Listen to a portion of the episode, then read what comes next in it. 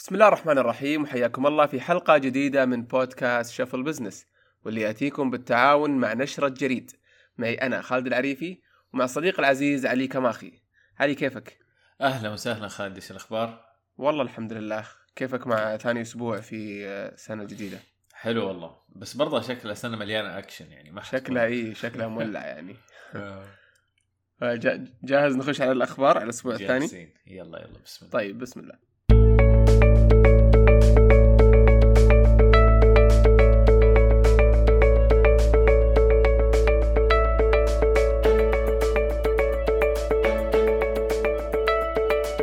الخبر الأول عن آه، الكناري المنتشرة اللي هي آه، يبدو لي عن سرقة المساعدات الحكومية فإيش إيه. حكاية ال- العصابة هذه وليش سموها بالاسم هذا وإيش يسرقون بالضبط؟ حلو طبعا الفكرة إنه في عصابة نيجيرية آم، آه، العصابة لها أكثر من عشر سنوات عصابة ما هي جديدة وهذه العصابة صايرة متخصصة في إيش أقول لك في الاحتيال عن طريق الإيميل بشكل عام والاحتيال. الإلكتروني يعني آه، آه، فالفكرة كلها انها هي لها عشر سنوات شغالة آه، بدأت من شخص واحد في نيجيريا وبعدين انتشروا ومتوزعين فاللي سوى التحقيق واللي اكتشف أمرهم سماهم بالاسم الحركي ال- الكناري المنتشره. جميل طيب ال- جدا بروفيشنال ها؟ يعني آخر آخر ضربة لهم كانت اللي هو اللي سووه لما صارت نزلت المساعدات الحكومية من آه، الأمريكية مؤخرا. فلما نزلت طبعا هي تصرفدت الحكومة الأمريكية في إنها تنزلها. كانت بس. على أساس تبغى تساعد الناس. فكان أي أحد يقدم تقريبا تجي من غير تشييك كامل على هل هو مستحق ولا لا. فاللي صار. إنه هدول كانوا جاهزين وعلى طول قدموا وكان عندهم طريقة يعني كان بس يحتاجوا الاسم.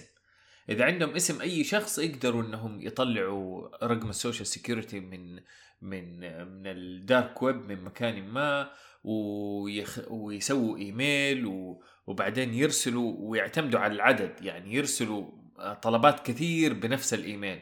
الين ما يضبط واحد منهم. وخلاص لو ضبط واحد منهم ونسبة نجاحهم كانت واحد من كل ستة محاولات.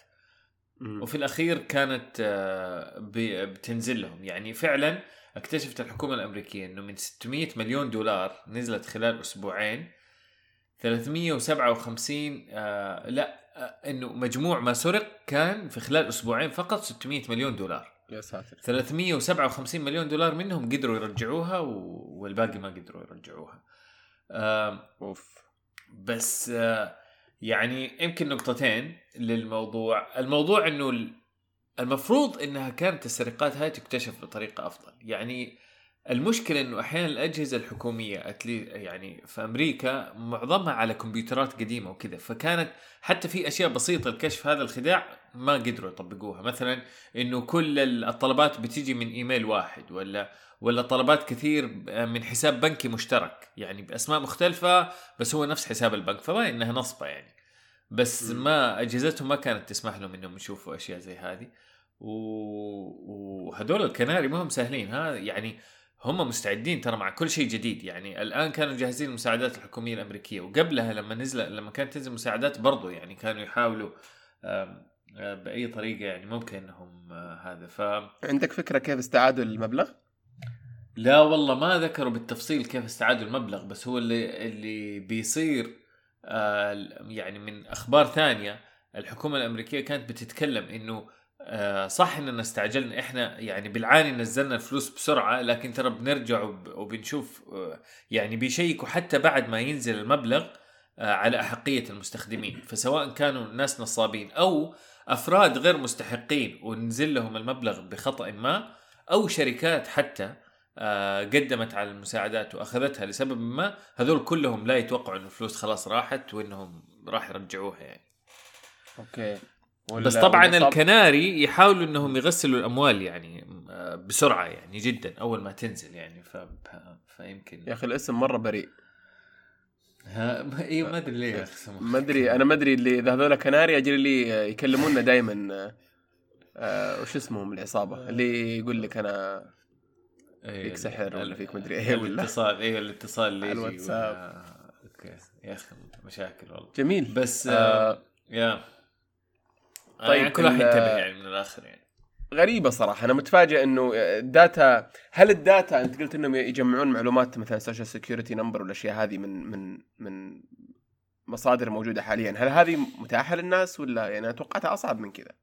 والله يقول لك ما يعني في الخبر بيقال إنه هو عن طريق الاسم يقدر يطلع ال social security number طبعا بطرق ملتوية ما هي طرق مباشرة يعني. المفروض ال social security number يعني رقم زي السري يعني خلاص إنه هذا زي قريب من رقم الحساب يعني. بس. آه بيلاقوا طريقة. فإذا عندهم الاسم يقدروا يطلعوا ال social security number والتقديم الحكومة الأمريكية كانت مسهلته يعني ما في أشياء كثير. خلاص حط حط اسمك تاريخ الميلاد social security number وقدم. والمفروض إنهم هم يكملوا المعلومات وخلاص إذا أنت مستحق تنزل لك الفلوس ولا لا. بس آه أيوه ما هو مع الاستعجال جات هذه المشاكل يعني ممكن. جميل. آه.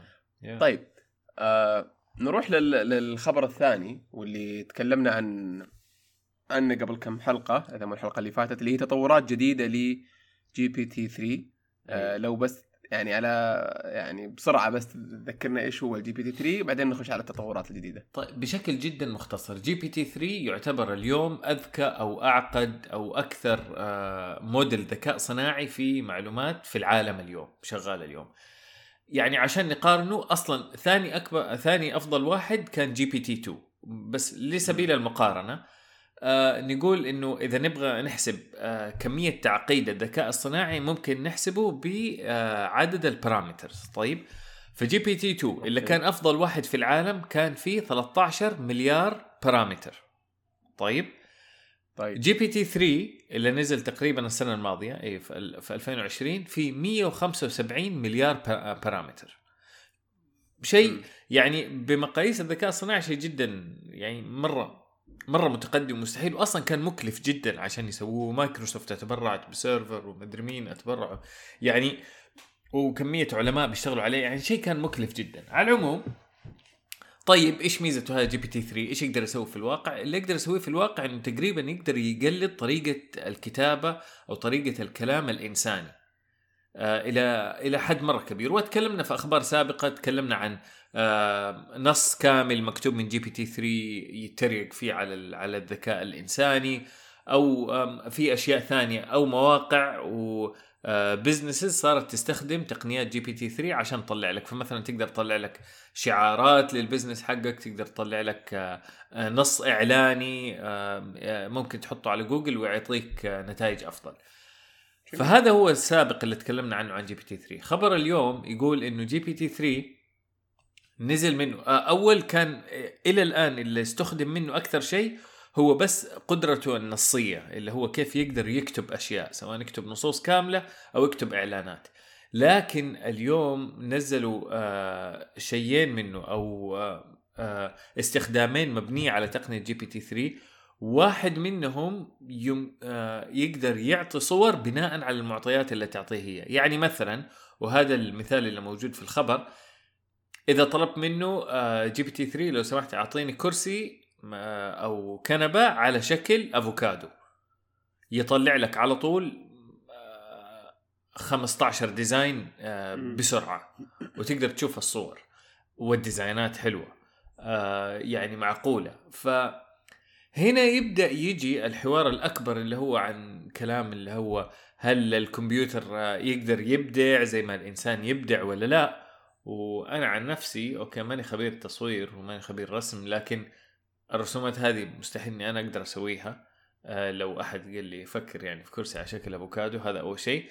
والشيء الثاني حتى لو إنه أحد آه، متخصص يقدر يسويها في فرق كبير حيكون في التكلفة والوقت بين إنك تيجي تخلي ذكاء صناعي يطلع لك نتائج رهيبة في خلال ثواني وبين آه، شخص ممكن ياخذ أسابيع ومبالغ كبيرة عشان آه، يطلع بنفس كمية الأفكار آه، حتى لو كانت ال quality حقتها أعلى. فهذا التطبيق الأول اللي اللي اللي الآن طلع من GPT 3 وتطبيق ثاني اللي هو. مو بس يقدر يحلل الصور ويصنفها إلى مجموعات طبعا يعني هذه. هي مشكلتها إنها كانت مشكلة جدا كبيرة بالنسبة للذكاء الصناعي إنه ما يقدر يميز بين الصور لكن هذه الظاهر إنه GPT 3 الآن قدر يحلها وصار يقدر إنه إنه يطل في صور كثير ويقدر يصنفها تصنيفات مختلفة وهذا ممكن حيكون له استخدامات أكبر بكثير في تحليل البيانات. جميل. الهدف من طيب. هذا كله إيش؟ في كثير من الاشياء نتكلم عنها إنها اختراعات جديدة والذكاء الصناعي والروبوتات، لكن الكلام في الأخير هل تقدر تستفيد منها في أرض الواقع ولا لا؟ GPT 3 إلى الآن بيوضح لنا أكثر من استخدام يمكن استخدامه في أرض الواقع للذكاء الصناعي. تستفيد منها businesses، تستفيد منها حكومات، تستفيد منها الجميع. وهل هل هي متاحة لأي أحد ممكن يستفيد منها في الوقت الحالي؟ هل هي open source ولا ممكن أحد يستفيد من الكود حقها؟ ولا بتقدم كخدمات وحصرية على جهة معينة؟ GPT 3 بالتقديم. يعني أنت تروح تقدم at least في الأول لأنه إحنا قدمنا عليه. فأنت تروح تقدم عليه وتقول لهم أنا أبغى أستخدمه. فهم يقولوا لك أنت في إيش حتستخدمه وتكتب. وبعدين هم يا إما يعطوك آه، إذن بال آه، باستخدامه ولا لا. والمشكلة إنه كثير من من الناس آه، بصراحة انتقدوا الشركة اللي أنتجت GPT 3 اللي هي OpenAI إنهم ما أعطوا ناس كثير حقوق الاستخدام. فبالعربي يعني شركة OpenAI بكيفها تعطي اللي تبغى وما تعطي اللي ما يبغى اللي ما تبغى access على هذا. لكن طلع خبر كمان إنهم هم سووا licensing بشكل كامل لمحرك GPT 3 لمايكروسوفت. يعني يعني توقع في أي لحظة من اللحظات إنه أي خدمة من خدمات مايكروسوفت ممكن تستخدم GPT 3 يعني تخيل Word مثلا تكتب فيه كلمتين يكتب لك نص كامل لوحده. هذا ممكن يصير في المستقبل القريب. يا سلام. آه الله يرحم أيام المدقق اللغوي و... واللي يعلمك الأخطاء واللي يعلمك. الحين الموضوع صار يخوف. وتتغير كل يعني إحنا اليوم نتكلم عن هذا نقول يخوف ننتظر بعد ستة شهور نشوف إيش يصير لأنه سرعة التغيير كمان صارت كبيرة صدقت ف... مو هذه هذه حلاوة ال AI بشكل عام إنه يعني the more data you feed انه تعطيه البرنامج يتعلم أكثر والوقت يفرق وف عشان كذا أتوقع بنشوف أشياء مبهرة سواء GPT 3 ولا ولا أي شيء ثاني يتعلق بالذكاء الاصطناعي. امم صحيح بس ممتاز. يلا هاي نبغى همة أحد يسوي بالعربي. نبغى نجيب والله يبغى عربي.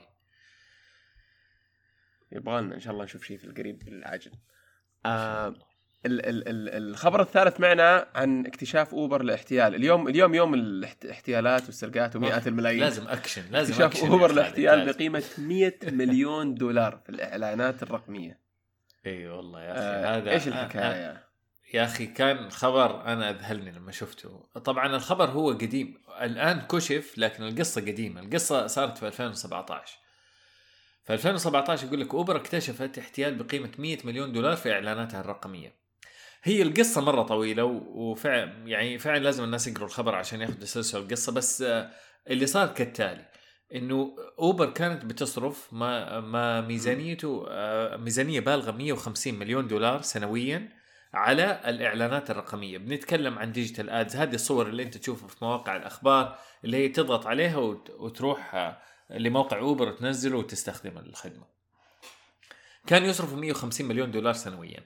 المهم صارت في مشكلة الأوبر في الإعلام وكان في موقع مو المفروض ينزلوا فيه إعلانات الموقع فيه أشياء عنصرية أو اللي هو والناس صاروا يلوموا أوبر فأوبر اضطرت بشكل سريع أنها لازم تبغى توقف أي إعلانات تظهر في هذه المواقع في مواقع إخبارية معينة وما كانوا قادرين يحددوا المواقع بسهولة فاضطروا إنهم يوقفوا مرة بسرعة 10% من من كل ميزانيتهم. هذه ال 150 مليون اضطروا إنهم يوقفوا منها 15 مليون سنويا أو شيء قريب من 40 ألف دولار في اليوم وقفوها في لحظة. فلما أوكي. وقفوها في لحظة اللي صار إنهم هم كانوا متوقعين إنه على طول نتائج آه، نتائج ال acquisition أو العملاء الجدد إنها تتأثر على طول. يا أخي أنت بتوقف 40 ألف دولار. كانت تنصرف في يوم واحد وقفتها. مستحيل إنك أنت ما تشوف فرق. ويمكن عشان نوضح القصة هم آه، اوبر يدفعوا على إيش بالضبط؟ اوبر يدفعوا ما يدفعوا على click ولا يدفعوا على impression ولا هذا كانوا يدفعوا بس على مستخدم جديد يجي يركب في السيارة أو يجي يستخدم الخدمة لأول مرة. يعني بالعربي كان مستحيل يتنصب عليهم. وهم كان بيجيهم آه عدد من العملاء مقابل هذا المبلغ اللي بينصرف. فهم كانوا أوكي. شايفين كذا لسنوات. طيب وقفوا 10% من الإعلانات ما صار أي تأثير. عدد العملاء اللي بينزلوا التطبيق وبيستخدموا الخدمة زي ما هو ما تغير ولا شيء فيه. استغرب المدير اللي ماسك هذا الموضوع في هذاك الوقت. بدأ يدور في آه، في يسوي auditing لكل البيانات اللي بتعطيه هي الشركات اللي بتسوي الإعلانات. لقى في أشياء غريبة. لقى مثلا في click يجي على الإعلان أو إعلان يظهر قدام أحد وخلال ثانيتين بعدها بيلاقي إنه آه، في آه، هذا الإنسان بدأ يستخدم التطبيق. مستحيل مستحيل إنه أحد يكون نزل سوى download للتطبيق واستخدمه خلال ثانيتين بس. فبدأ يلاقي أشياء غريبة أكثر. المهم عشان نقصر الموضوع في النهاية وقف وقف كمية جدا كبيرة من الإعلانات واكتشف إنه ثلثين الإعلانات هذه ما يساوي 100 مليون دولار سنويا كان بينصرف على الفاضي. كان كله نصب. ومعظم الشركات اللي كانوا بيتعاملوا معاها إيش كانوا بيسووا؟ أوبر كان ال brand حقهم مرة قوي وكانوا الناس بيتسامعوا عن أوبر يعني مثلا أنت تيجي تقول لي أنا استخدمت أوبر أوبر مرة كويس نزله فاللي كان بيصير إنه لو أنا جيت في الأندرويد حقي جيت أنا أبغى أنزل أبغى أسوي أوبر كان في زي البرنامج التجسسي يقدر يشوف إنه أنا حنزل أوبر فيروح يحسب آه، يسوي click بطريقة آه، بطريقة أوتوماتيكية وينحسب أنا مع إني مستخدم جديد. جيت مو عن طريق الإعلان يحسبني كأني جيت عن طريق الإعلان. وبكذا ياخذوا فلوس زيادة من أوبر وكذا اتنصب على أوبر ب 100 مليون دولار. طبعا أوبر زعلوا لما عرفوا ورفعوا قضايا وصلت إلى 100 شركة ترفع عليها قضايا بسبب هذا الموضوع. الشركات هذه شركات من مواقع ولا شركات آه، إعلانات ولا؟ شركات إعلانات. كانوا كلهم مقدمين إعلانات فيعني وسيط بينهم وبين المواقع عادة يعني. آه هذا اللي انذكر يعني. ف بس بس كان عدد كبير من الشركات. ما بنتكلم عن شركة واحدة معينة هي اللي سوت المشكلة هذه. عدد كبير جدا من الشركات. يعني إذا نبغى ناخذ درس من هذا الموضوع أوكي الإعلانات جيدة آه الإعلانات خاصة عن طريق التقنية جيدة بس ترى يعني لازم الواحد يتلقف ويحاول يتعلم فيها أكثر وأكثر لأنه صح. مجال النصب فيها خاصة لو ميزانيتك كبيرة ممكن يكون كبير جدا زي ما صار مع اوبر إذا ميزانيتك صغيرة okay ممكن ما تسوى لكن يسوى الموضوع إنه الواحد يحاول يتعلم عنه أكثر ويفهم أكثر ولما تجيله البيانات مو بس يفهم أكثر يعني أوبر ترى فاهمين وعارفين إنه ممكن تنصب عليهم عشان كذا يعني هذا مجالهم في الأخير. لكن آه برضو متابعة الإعلانات يوميا ونتائجها وال check عليها مهم جدا برضو. صحيح. وبرضو المهم كمان إنه الواحد يعرف كيف يحسب فعالية الحملات اللي هو يسويها. مو بس اسم إنه يسوق رقميا سواء على مواقع ولا على يعني شبكات ولا على حتى مؤثرين يعني تعرف إيش اللي لك وإيش اللي صح. عليك هل أديت الهدف اللي أنت تبغاه ولا لا لكن المنتشر أحيانا إنه الواحد يسوي حملة يعني ممكن على عماها آه اسم إنه سوى الحملة بس ويجلس يقول يا رب إن شاء الله الأمور تمشي تمام ويا رب ينتعش البزنس يعني. حتى أحيانا يعيشون في في وهم إنه الحملة ناجحة بس الأرقام تقول عكس ذلك فبشكل عام أتوقع الواحد آه لازم يعرف إيش اللي صاير. ويحدد له متركس وأرقام معينة يتابعها وتغيرات معينة يتابعها. بحيث إنه وأنا أحس يعني العالم العالم تغير. زمان كانوا أهل التسويق كانوا إيش يقولوا؟ كانوا يقولوا أنا عارف إنه في نص ميزانيتي من التسويق رايحة لكن ماني عارف أي نص فيهم.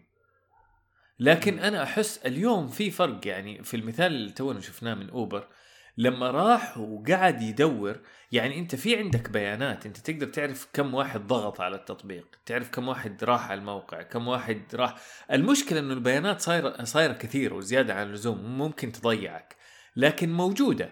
يعني لو أنت تبغى فعلا تلاقي الطريقة إنك أنت تحسب فعالية الإعلانات أو فعالية المنشنز أو هذا راح تلاقي طرق إنك أنت تحسب كل شيء بالملي. امم صحيح أتفق معك.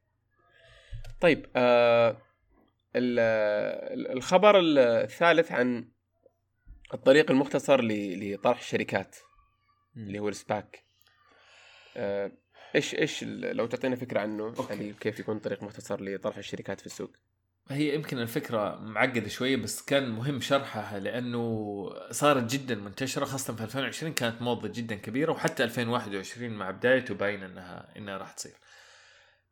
عشان نتكلم عن سباك خلينا نتكلم عن اولا طريقة الطرح العادية عادة في طريقة الطرح العادية إيش اللي يصير؟ أي شركة خاصة بعد ما تقضي عمر آه، كامل كشركة خاصة وأثبتت نجاحها وإلى آخره ممكن إنها تطرح نفسها للاكتتاب العام بحيث إنه كل الناس يقدروا يساهموا فيها آه، عن طريق سوق الأسهم. فالطريقة العادية للطرح انه إنه الشركة لما لما توصل لمرحلة خلاص تبغى تطرح أسهمها تعلن تقول أنا أبغى أطرح أسهمي وفي وفي آه، أشياء طلبات كثير من سوق آه، من سوق التداول عن آه، إمكانياتها المادية عن عملياتها عن إدارتها عن الشركاء الحاليين معلومات كثير لازم إنها تقعد لازم إنها تقدمها هذه الشركة قبل ما يتم طرحها. ومن ضمن هذا طبعا تقييم يصير عن طريق البنوك. الموضوع هذا جدا يطول واحيانا حتى ممكن يوصل إلى سنوات وطلباته كبيرة وطلباته مكلفة ترى حتى مو بس طلباته كثير يعني. وكل ما زادت عمليات الشركة كل ما راح يزيد تكاليف هذه العملية لما تنطرح. فاحيانا حتى الطرح يعني يتكلموا الناس إنه ممكن يكلف بالقليل يكلف 10 مليون دولار بس تكاليف إنك تضبط أوراقك عشان تطرح الشركة في سوق الأسهم. جميل. ال SPAC هي صايرة طريقة مختصرة للطرح. SPAC تبدأ أول هي تعكس الموضوع كله. عشان نشرحها نشرحها في ثلاثة خطوات. أول خطوة يبدأ يبدأ أول شيء جمع الفلوس قبل ما تنطرح الشركة أصلا. يعني تخيل مجموعة مستثمرين يقدروا يجمعوا بينهم وبين بعض 10 مليون ولا 50 مليون ولا 100 مليون okay؟ ويقولوا إحنا نبغى نسوي شركة استثمارية أو كيان لغرض استثماري. فالهدف إلى الان إلى الآن ما في شركة ما في عمليات ما في ولا أي شيء بس في مبلغ من المال اللي هو 100 مليون دولار أو اللي هو. جمعوا هذه ال 100 مليون حطوها تحت اسم كيان وبعدين ينطرح هذا الكيان في سوق الأسهم. فهو بينطرح كأنه شركة استثمارية برأس مال 100 مليون وما عندها أي عمليات. طبعا لما أنت تيجي تطرح بس شيء زي كذا ما عنده أي عمليات ما عنده أي إفصاحات طلباته أقل بكثير وطرحه يكون أسهل بكثير. تمام؟ طيب انطرحت صارت موجودة الآن في سوق الأسهم. الآن هذا الكيان اللي موجود في سوق الأسهم خلاص اوريدي يروح يشتري الشركة اللي يبغاها. يعني أنت ال مليون هذه تقدر تصرفها في أي شيء تبغاه إذا أنت مدير الشركة هذه اللي مطروحه في سوق الأسهم. فتروح تدور على شركة كانت تبغى يصير لها طرح عام.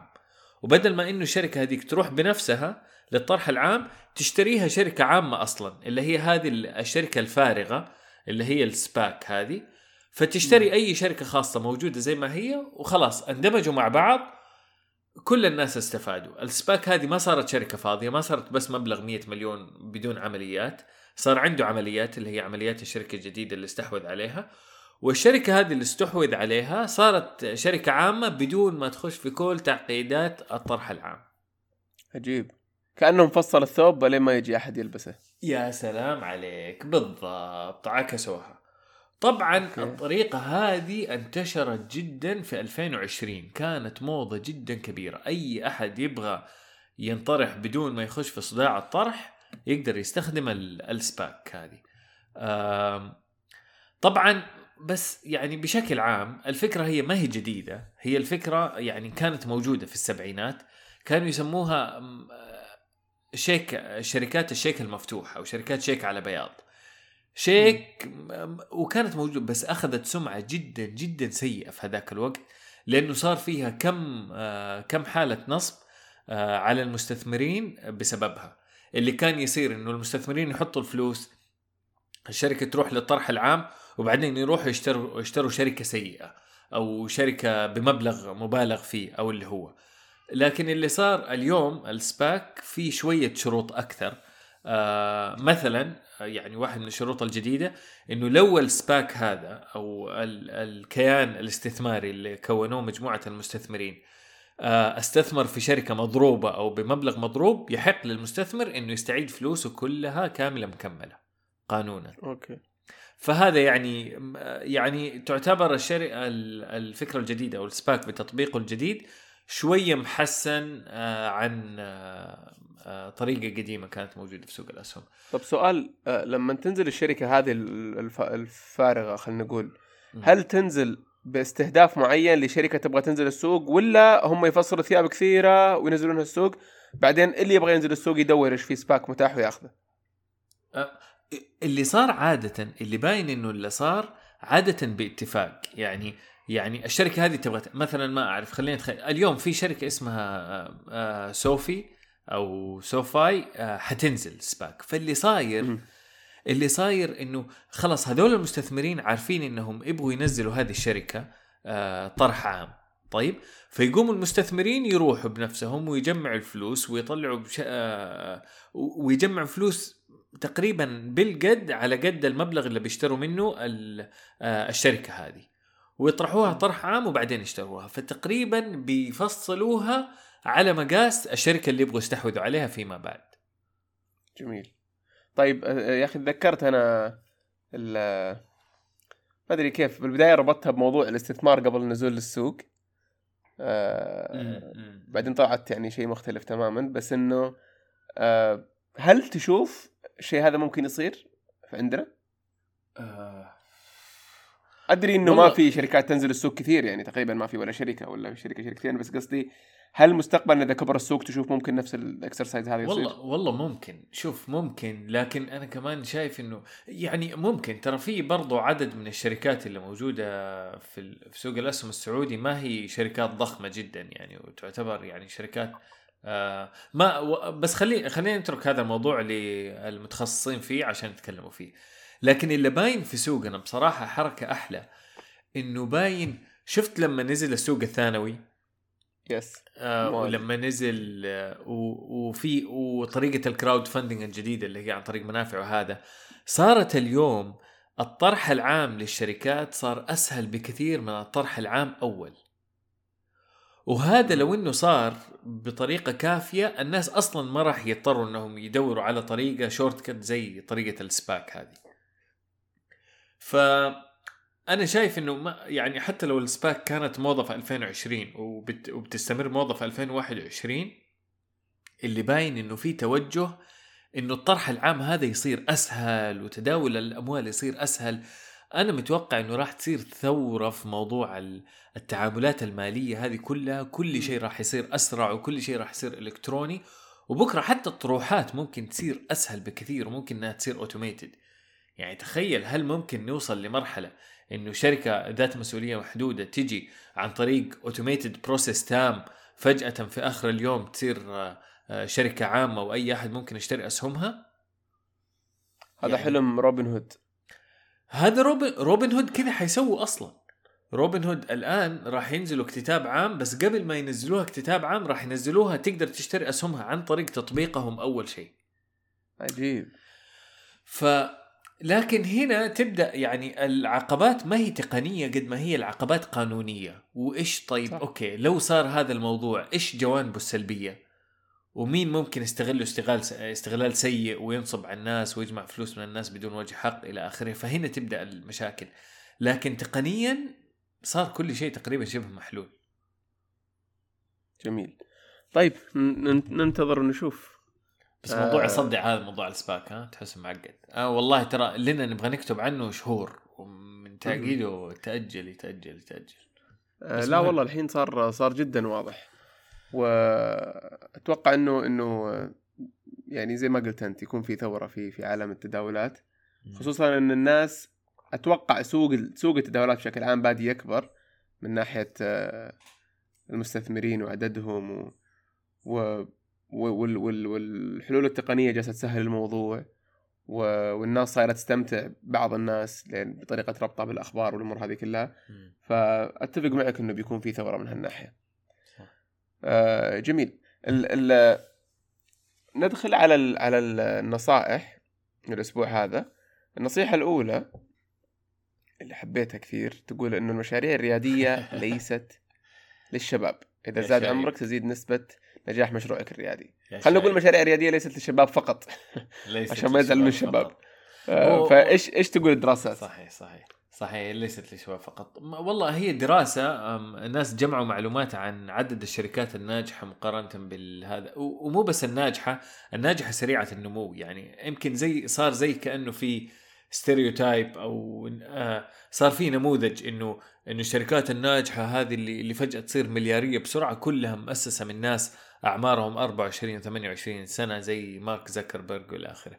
فلما لما صارت دراسة أكاديمية مفصلة لهذا الموضوع أخذوا عدد الناس وعدد الشركات الناجحة والناجحة بسرعة متسارعة النمو لقوا لا لقوا إنه متوسط آه، عمر آه، مؤسس الشركة اللي تنجح وسريعة النمو هو 45 سنة. وبالعكس لقوا إنه كل ما زاد العمر كل ما زاد آه، زادت احتمالات نسب نجاح ال- المشروع. فالفكرة فعلا بعد عن هذا عن النموذج أو إنك أنت تفكر إذا كنت إذا إذا كان عمرك فوق ال 40 إنه خلاص راحت عليك وما تقدر تبدأ مشروع بالعكس يعني الدراسات تقول إنه عمر 45 سنة بالضبط وحتى ممكن أكبر من أكبر من كذا قمة هو أعلى نسب نجاح للمشاريع والسبب الأساسي طبعا واضح اللي هو إنه خبرتك أكبر يعني في أشياء كثير سواء إدارية سواء علاقات سواء خبرة في السوق أو في منتجات معينة وإلى آخره مما يزيد نسب النجاح. جميل. آه والله آه أنا ليش حبيت الم- ال- الخبر هذا؟ لأنه مو بس يعني يقول إن الكبار آه ممكن يبدؤون مشاريعهم أو الكبار نسبيا خلينا نقول اللي عندهم خبرة فرصة نجاحهم أكبر بس برضو فتح عيني على شيء إنه ليش مو حتى الشباب يحرصون على وجود مو دائما يقول لك في شريك تقني شريك آه مدري إيه شريك. ممكن يدور شريك آه آه كبير. يعني أكبر منه وأكثر خبرة منه بشكل عام. مو لازم إنه يكون آه كلهم اثنينهم شباب. فهمت علي؟ أتوقع لو صار في النوع هذا من الماتشنج ومن ال ال آه، طريقة العمل مشاريع كثيرة ممكن تكون نسبة نجاحها أكبر. والله. يعني أنت عندك مثلا فكرة مشروع في مجال ال ال ال الأطعمة. آه، بدال ما تروح وتبدأ فيه لحالك وقبل حتى حتى في مرحلة الفكرة بعدين تدور على مستثمرين يدخلون معك ممكن إنك من البداية تحاول تدور لك على شريك حتى لو واحد تقنعه تخليه يكون عنده شغف بفكرتك أنت ويؤمن فيها وتستفيد من خبرته وهو يستفيد من حماسك وتركيزك حتى مو لازم يكون هو متفرغ. ولا إيش رأيك؟ لا صح 100% وكنت على على القصة أنا كنت أبغى أتذكر في شوف أنا عن نفسي يعني بدأت كذا مشروع لكن أنا أقول لك أفضل خطوة في يوم من الأيام سويتها في مشروع إنه أنا دائما يكون عندي منتورز خلال المشروع خلال آه، آه، في أشياء كثير. والمنتورز هذول عادة يعني ناس أكبر مني ويكونوا أكبر في الخبرة يعني آه، بكثير يعني. آه، في مشروع آه، في مبادرة سووها آه، عبد الرحمن طربزوني وسواها معاه كذا أحد اللي هي مبادرة الأخ الأكبر. ما أدري سمعت عنها؟ الا الا سمعت عنها يس يا أخي ممتازة المبادرة. والمبادرة مبنية على هذا اللي إحنا متك... على على النقطة اللي أنت بتتكلم عنها إنه الواحد أحيانا لو إنه كان معاه أحد آه، أكبر منه آه، أو أكثر خبرة منه في أثناء بدايته المشروع أو حتى في في آه، في يعني في دوامه. وهنا مبدأ ال life coach وش اللي صار أو في تقدمه الوظيفي. المبدا ال big brother أو مبدأ الأخ الأكبر أو ال mentor أو مهم جدا. وواحد من أكبر عيوب إنه الواحد يبدأ مشروعه ترى إنه ما عنده مدير. يعني المدير قد ما هو شخصية أنت ممكن تكرهها وتيجي تقول لا وهذا سيء وخاصة لو كان مدير سيء. ترى المدير يخرج أفضل ما فيك سواء بطريقة إيجابية أو أو بطريقة سلبية. والمدير يجبرك على إنك تتطور ويجبرك على الالتزام ب بأشياء معينة. تفقدها ترى تماما أحيانا لما تكون آه، بحريتك تماما في مشروعك. ف جميل. بالعكس أنا أتفق معاك يعني تماما و وجميلة بصراحة إنه أفكار سواء مبادرات زي هذه حقت الأخ الأكبر أو غيرها اللي آه، آه، لمثل هذا بصراحة للتطور ولزيادة نسب النجاح. شخصيا ولل business. ممتاز جميل. طيب ال- ال- النصيحة الثانية تقول آه، فكر تستثمر في ماكينة بيع ذاتي. آه، هذه حبيتها. إيش رأيك؟ إيش رأيك؟ أنا إن بالعكس أنا؟ big fan من. ال vending machines شوف مكاين البيع الذاتي طبعا من الأشياء آه يمكن يمكن أي أحد أول أول ما يشوف ماكينة البيع الذاتي يحاول يفكر هذه كم تطلع هذه آه إيش طريقتها وهل ناجحة ولا ما هي ناجحة. طبعا هو بزنس ميزته إنه أي أحد ممكن يبدأه. مو شرط إنه يكون آه، مشروع إنك أنت. تبدأ ولازم تتفرغ له 100% مكان البيع الذاتي بالذات ممكن إنك تبدأها بدون تفرغ تماما. فالمقال يتكلم عن كلها كفكرة وكيف إنها زاد زاد الطلب عليها في في آخر فترة خاصة مع الكورونا ومع الناس اللي فقدوا وظائفهم. فكان وإذا كان عندهم مبلغ بسيط فممكن يبدأوا الناس آه، بزنس زي هذا بمبالغ جدا بسيطة بأقل من 2000 دولار. جميل. والميزة لو إنك فعلا عرفت أنت إيش بتسوي أو في عنصرين مهمة في اللي اللي يفكر إنه آه، يستثمر في مكان البيع الذاتي. اولا الموقع اختيار الموقع وثانيا اختيار الماكينة نفسها. واختيار ومع ومع هذا طبعا اختيار المنتجات. لكن الموقع يعتبر أحد أهم عناصر العملية.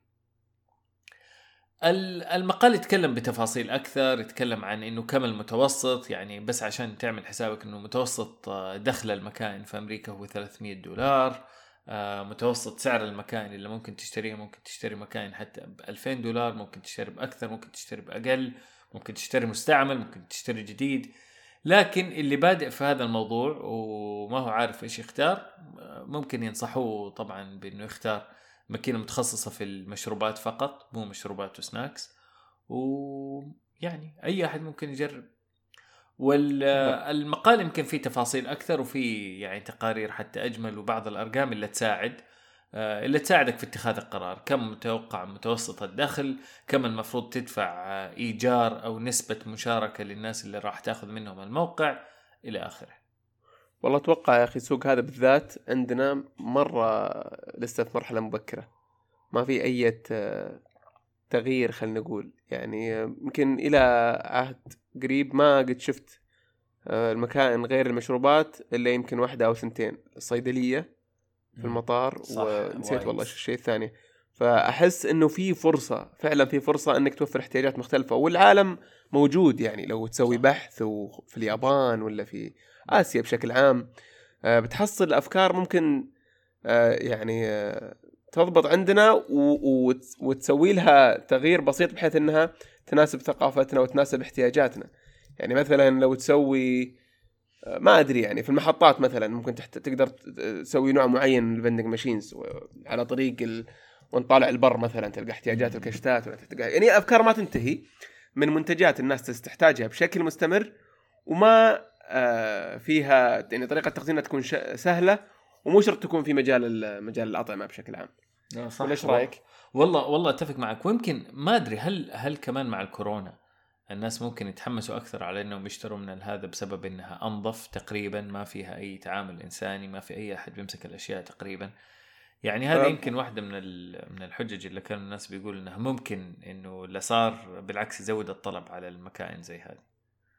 آه، ممكن بس أنا أتوقع موضوع سهولة الدفع والأشياء هذه بتكون يعني دافع أقوى. طبعا. يعني صارت سهلت العملية بشكل أكبر. طبعا. آه. أصلا خلاص تقريبا كل الجديدة صايرة يعني لو لو بتشتري ماكينه جديدة راح تكون كثير منها مربوطة بوسائل دفع إلكتروني.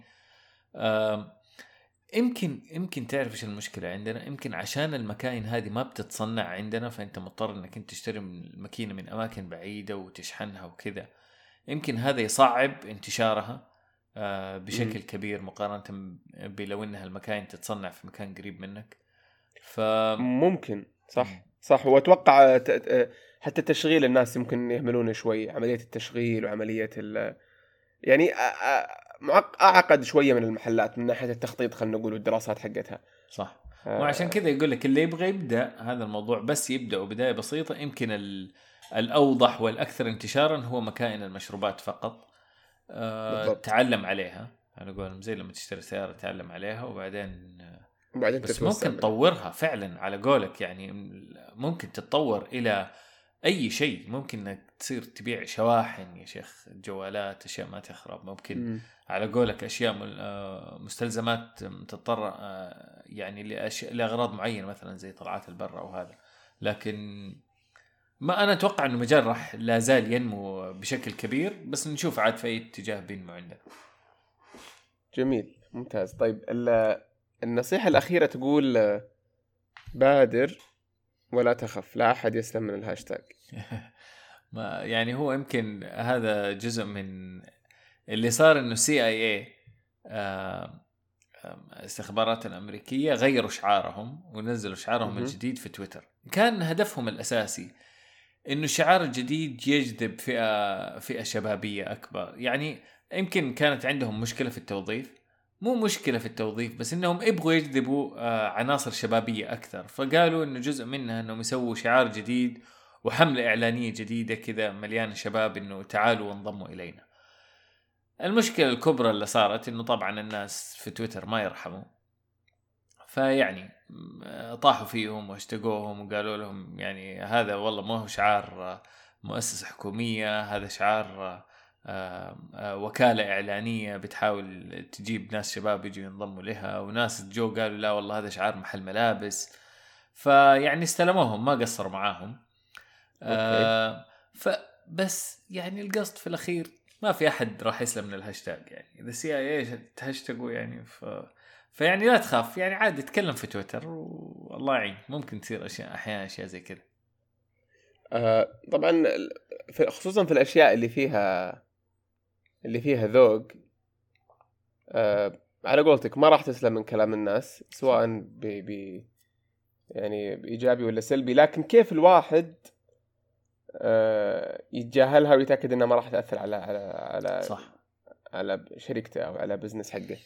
صح. يعني لا لا في شوف. هو, هو أكيد هذا فيه تخصص كامل وشركات PR كل خططها إنها كيف crisis management وأنت كيف تتعامل مع الكوارث اللي لها علاقة بسمعة الشركة أو failure وإلى آخره.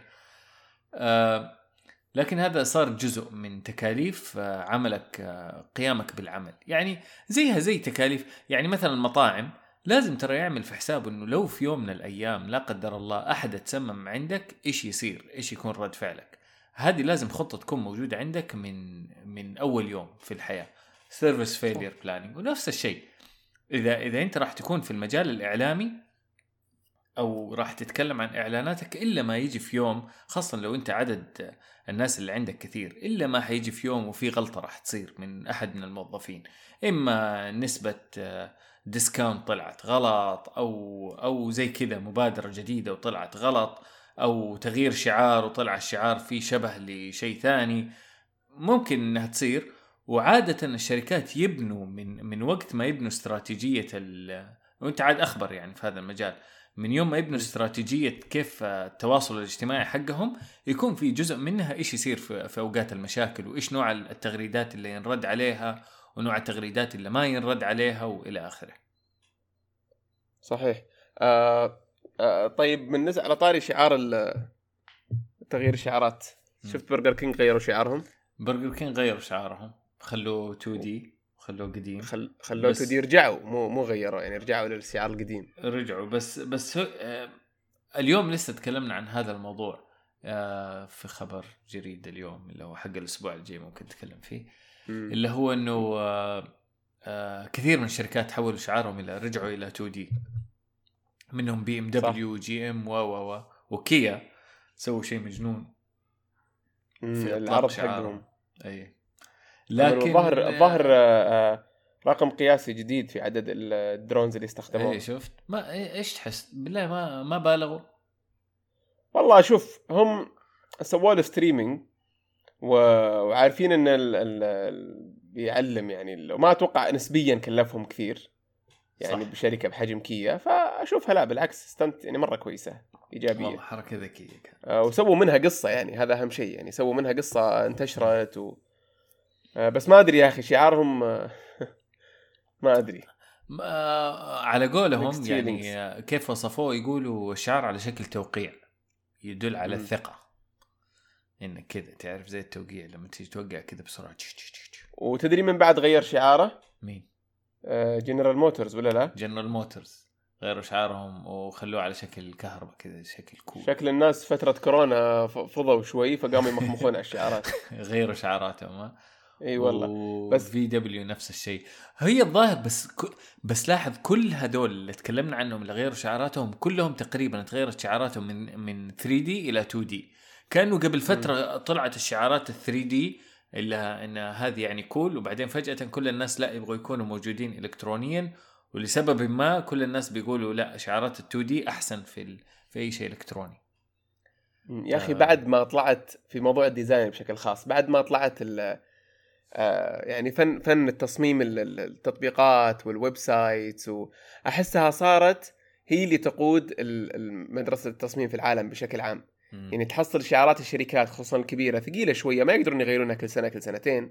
بس مع السوفت وير تتغير في السنة أكثر من مرة و- ويطورونها تقنيا فيطورون التصميم حقها بعد واحتياجات تتغير حقت المستخدمين. ف فصارت أسرع من من تغيير الشعارات. عشان. كذا تقدر تتوقع الترند كيف بتصير. تقدر تتوقع وش ممكن يصير في المستقبل من تغييرات. آه يعني مثلا لين جيت لل flat design من متى Apple طلعته في update أظن من iOS 7 إذا ماني غلطان. ف وفعلا قبلها كان 3D وكان كل شيء كذا bubbly ومنفوخ وكذا. بعدين غيروها فجأة وكل شيء تغير بعدها. كل شيء تغير. آه، ممكن تكون ترند وقتها جت من مدارس ثانية ومن مجالات ثانية ما أدري لكن بشكل عام أكيد إنها سبقت الشعارات وتغيير الشعارات ولا إيش رأيك؟ امم تصدق بس نقطتك جيدة إن إنه الآن اليوم في عالم اليوم تغيير الشعار آه، تكلفته أقل لأنه ما عاد في المطبوعات حقت زمان ما عاد في هذا خلاص يمكن بحركة بسيطة تغيره في كل مكان أونلاين يعني.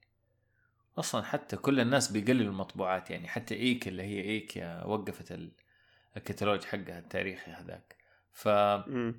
صح هذا إيش آثاره وإيش آه، وكيف آه، كيف آه، راح يخلي أسرع تغيير الشعارات في المستقبل على كل ترند والله ممكن. جميل. يا أخي العالم بيتغير آه. كل يوم ها؟ بس يلا. والله يتغير كل وظيفتنا معاكم إن. نقعد نحاول نجيب كل شيء جديد ونتناقش فيه وناخذ منه اللي يفيدنا. أيوه وآخر س... العالم يتغير كل يوم وآخر سنتين بالذات يعني التسارع تحسه كبير مرة. يعني أنا دائما أفكر بما انك تكلمت عن ال- ال- التغيير والعالم. أقول يا أخي مو من حقنا نقول إحنا عصر عصرنا هو عصر التغيير وعصر التطور وعصر أجل اللي لحقوا على على على مثلا آه، عاشوا بدون كهرباء بعدين فجأة صار عندهم كهرباء. إيش يقولون؟ يقولون الكهرباء غيرت غيرت مجرى التاريخ. وقبلهم اللي ممكن آه، آه، أظن التليفون قبل الكهرباء إذا ماني غلطان. التليفون مثلا ولا اللي قبلهم يعني كل مرحلة لها روادها ولها آه، التغيرات اللي فيها وكل أحد يعتقد إنه لا هذا التغيير يعني إحنا. نقول آه، الجوال مثلا وش إيش كنا قبل الجوال بعدين جاء الإنترنت كنا وش كنا قبل الإنترنت صح. بعدين ممكن بعد كم سنة شباب يقولون يا أبوي إحنا في عصرنا جاء الذكاء الاصطناعي وش إيش كيف كنا عايشين بدون ذكاء اصطناعي. فهمت علي؟ فهل تعتقد إن ال- المايلستون حقت الأشياء اللي إحنا شفناها في حياتنا أكبر من الجيل اللي قبلنا أو الأجيال اللي قبلنا؟ ولا يتهيأ لنا؟ اللي أكيد صاير عندنا أكثر ال- التسارع أكبر. يعني يعني بما إننا دخلنا في نقاش فلسفي الناس يقولوا إنه زمان كانت الثورة الثورات صايرة صايرة اللي هي ثوره تكنولوجيه تقنيه كنت تسوي شيء بطريقة فجأة تصير تسويه بطريقة مختلفة تماما. فهذه صايرة صايرة و- والناس يجوا يتكلموا يقولوا يمكن أول أكبر آه، آه، ثورة تقنية صارت قبل كذا مثلا هي أو أول واحدة يمكن أثرت في التاريخ بشكل كبير هي الكتابة فكان كله تقريبا شيء ما بيتدون بتصير تجارب بين الناس وما في شيء منها بيتدون وبعدين فجأة صارت الكتابة والكتابة صارت تخلينا نقدر نتناقل المعلومات خاصة الأبحاث والأشياء العلمية والأشياء اللي يقدروا يستفيدوا منها الناس خاصة لما انتشرت الكتابة. لكن الفكرة الأساسية إنه إيش كانت؟ كان بين الثورة والثورة زمان كان يكون آلاف السنين أو مئات السنين. فال... فالانسان الناس جلسوا آلاف السنين من غير كتابة بعدين فجأة ظهرت الكتابة وبعدين الكتابة جلست مثلا ألف سنة. وبعد كذا. يقول لكن شوف في آخر مية سنة صار فيها عدد آه، قفزات أكبر بكثير من اللي صار في التاريخ يعني طول في آخر مية سنة بس حتلاقي إنه مثلا جات السيارة وجات ال... وجات الكهرباء على قولك وبعدين فجأة وكل ماله بيتسارع وبعد ما جت فمثلا جات السيارة بعدها ب 70 سنة جات الكهرباء بعدها مدري قديش بعدها مثلا ب 50 سنة جاء آه، جاء الاتصالات آه، اللي هو الهواتف. بس بعدها صارت في عشر سنين تصير كذا شيء. في مدري كم سنة جاء الإنترنت. في في أقل جاء آه، لا أول شيء جاء الجوال وبعدين جاء الإنترنت وبعدين وصل الإنترنت جات ال social media. والآن بيجي إلى مرحلة إنها ممكن تصير القفزة كل سنة في قفزة بدل ما إنه زمان كانت كل خمسين سنة قفزة أو قبلها كانت كل مية سنة قفزة. فاللي يفجع هل تعتقد التسارع هل تعتقد التسارع هذا في مجالات ثانية ولا بس في البزنس والتقنية؟ يمكن التقنية بت بتقوده أكثر من أي شيء ثاني لكن التقنية اليوم صارت تلمس كل شيء ثاني في حياتنا. يعني التقنية اليوم صارت هي بالنسبة لنا هي الأسواق صارت هي تحويل الأموال. صارت هي التعليم. صارت كل شيء. فالتقنية ما هي مجال لوحدها التقنية مجال يلمس كل المجالات الثانية دائما يقولون التقنية ما هي كذا التقنية أسلوب حياة. والله. صح. لا وصارت آه، على قولتك هي تقود تسهيل حياة الناس. سواء ان جيت مجال طبي إن جيت مجال عقاري إن جيت مجال اختصاصي أي شيء. تقنية تلقاها تسهل الحياة بشكل عام. ما هي ما هي زي أول التقنية فقط لمجرد التقنية ولتسهيل امور مكتبية وأشياء بسيطة. يعني النظرة كبرت شوي. جميل. طيب الله يعطيك العافية يا علي. ما قصرت. حلقة ثرية كانت. آه وإن شاء الله المستمعين استمتعوا فيها زي استمتعنا بتسجيلها. ومثل كل حلقة بنحط الوصف في الوصف الروابط للمقالات وللأخبار. بالإضافة إلى التسجيل في نشرة الجريد عشان توصلكم أخبار مثل اللي تكلمنا عنها آه اليوم. اللي عنده أي ملاحظات أو تعليقات لا يحرمنا على تويتر ولا بالتقييم عن طريق التطبيقات البودكاست اللي تستمتعون اللي تسمعون من خلالها. ونلقاكم إن شاء الله في الأسبوع الجاي.